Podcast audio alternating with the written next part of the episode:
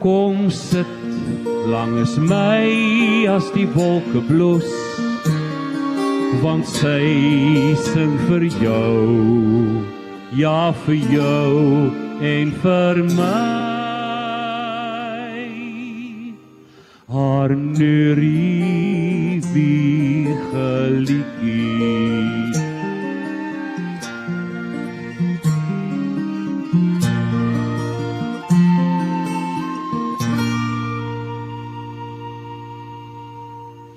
Dis soos 'n skildery, né? Eh, Wat jy sien van Jakobsbaai en die mis en die duine waaroor jy kan loop of drentel. En 'n pragtige lied uit Die maan deur 'n gaatjie in die nag, 'n produksie van Jannie de Tooy saam met Shani Jonker en Annelie Du Plessis wat ook hier op die verhoog is. Om die tekste van Marie Trudeau ehm um, weer eens aan mense bekend te stel en as ek sê weer eens gaan ons terug eintlik Jannie na 1988 as ek reg onthou, toe ek dit die eerste keer gehoor het en Lorika Relg dit ook as 'n treffer uh, gesing het. Ja, sy het uh, Mis oor Jakobsbaai, een van nog 'n ander liedjie van Marie opgeneem op haar album Mannetjies Roer van 1990 Robert. Yes, en jou uh, verbintenis met uh, Marie Trudeau? Ja, oom oom Nick haar oorleman het my gebel in 1988 en gesê sy vrou skryf liedjies en hy wil vreeslik graag hê sy moet 'n langspeelplaat maak. En uh, sy vriend Connie de Villiers het vir hom gesê hy ken 'n ou wat van sulke musiek hou en wat dalk die verwerkings kan skryf vir hierdie album van Marie. Ek het so gemaak en sedertdien is ek en Marie absoluut die beste vriende. Sy word in September 94 en sy bly nog net so stout en vol nonsies is altyd maar sy sing ook nog net so suiwer op daardie ouderdom. Absoluut ongelooflike vrou. Dink jy sy is geïnspireer deur Nick Trudeau want was hy nie 'n uitmuntende kopieskrywer nie? Ek dink sekerlik het hulle mekaar oor en weer wel geïnspireer Johan, maar nee, net so begaafd met die taal as wat oom Nick was, was Marie ook van die begin af. So dit was 'n heerlike samewerking. Sy het haar eerste liedjie geskryf toe sy 10 jaar oud was. En sy het maar net taal was maar net van altyd af deel van haar lewe en ook natuurlik van oom Nick se. Ek dink hy het gesê buurmanskap leeu plesier. Hy is die ou wat dit gesê het. Hy's die ou wat dit by die by die uh, reklamemaatskappy daardie frase uitgedink het inderdaad. Ja, en dit oor 'n Germaanse bruisdrankie, né? Om dit so mooi te stel. Janie, ja. die stof het byna verlore gegaan. Ehm um, jy het nou al soos jy gesê het van 1988 af saam met haar gestap en waarskynlik hier en daar het sy iets uitgetrek en vir jou gewys en so, maar om dit in 'n bundel of dan 'n plaat in moderne vorm te kan vrystel, uh, moet dit gebeur. O, ek is dis nou wat Koenie gesê het. Hy het gedink dat ek sal belangstel om die verwerkings te doen. Ek het inderdaad fluitpartye geskryf en ons het ook die akkordeon gebruik want dit gee so die regte smaakie vir Marie se musiek. Daar's ook sommer 'n groot groot verskeidenheid ander instrumente betrokke gewees.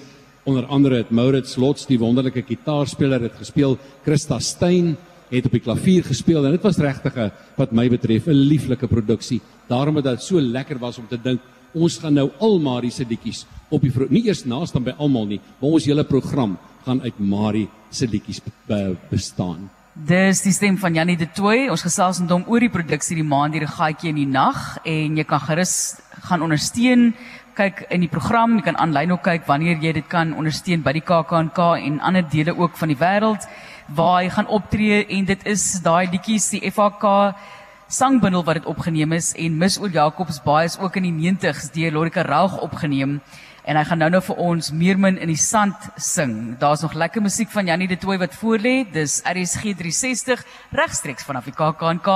Jannie, hoe kies jy die projekte? Want dit is wat ek net maar 'n bietjie oorwonder. Daar's so baie inspirasie, daar's soveel fantastiese skrywers in ons land ook. Hoe hoe kies jy 'n projek wat jy voel aansluit by jou genre van musiek wat jy voorlief is?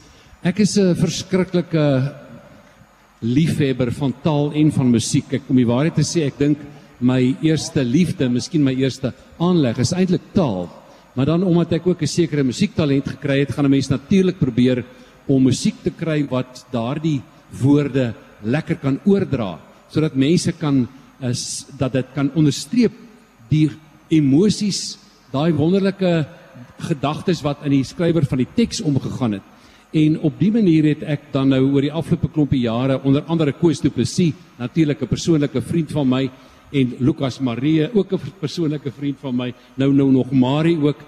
Ek het programme so deur die jare gemaak wat wat hierdie mense se musiek so bietjie op die voorgrond bring. Uh en ek wil amper sê die keuse is amper so so bietjie van selfsprekend So en as jy daai name noem, dan besef jy ook net die diepte wat ons mee werk in Suid-Afrika in terme van talent. Op daai vlak en gepraat van skryftalent, daarna Snyman het die bindingsteks vir julle geskryf vir hierdie produksie. Hy's vriende met haar want hy het ook mos gebly daar vir 'n vir julle ruk. So daardie wisselwerking tussen julle met die produksie saam met Dana?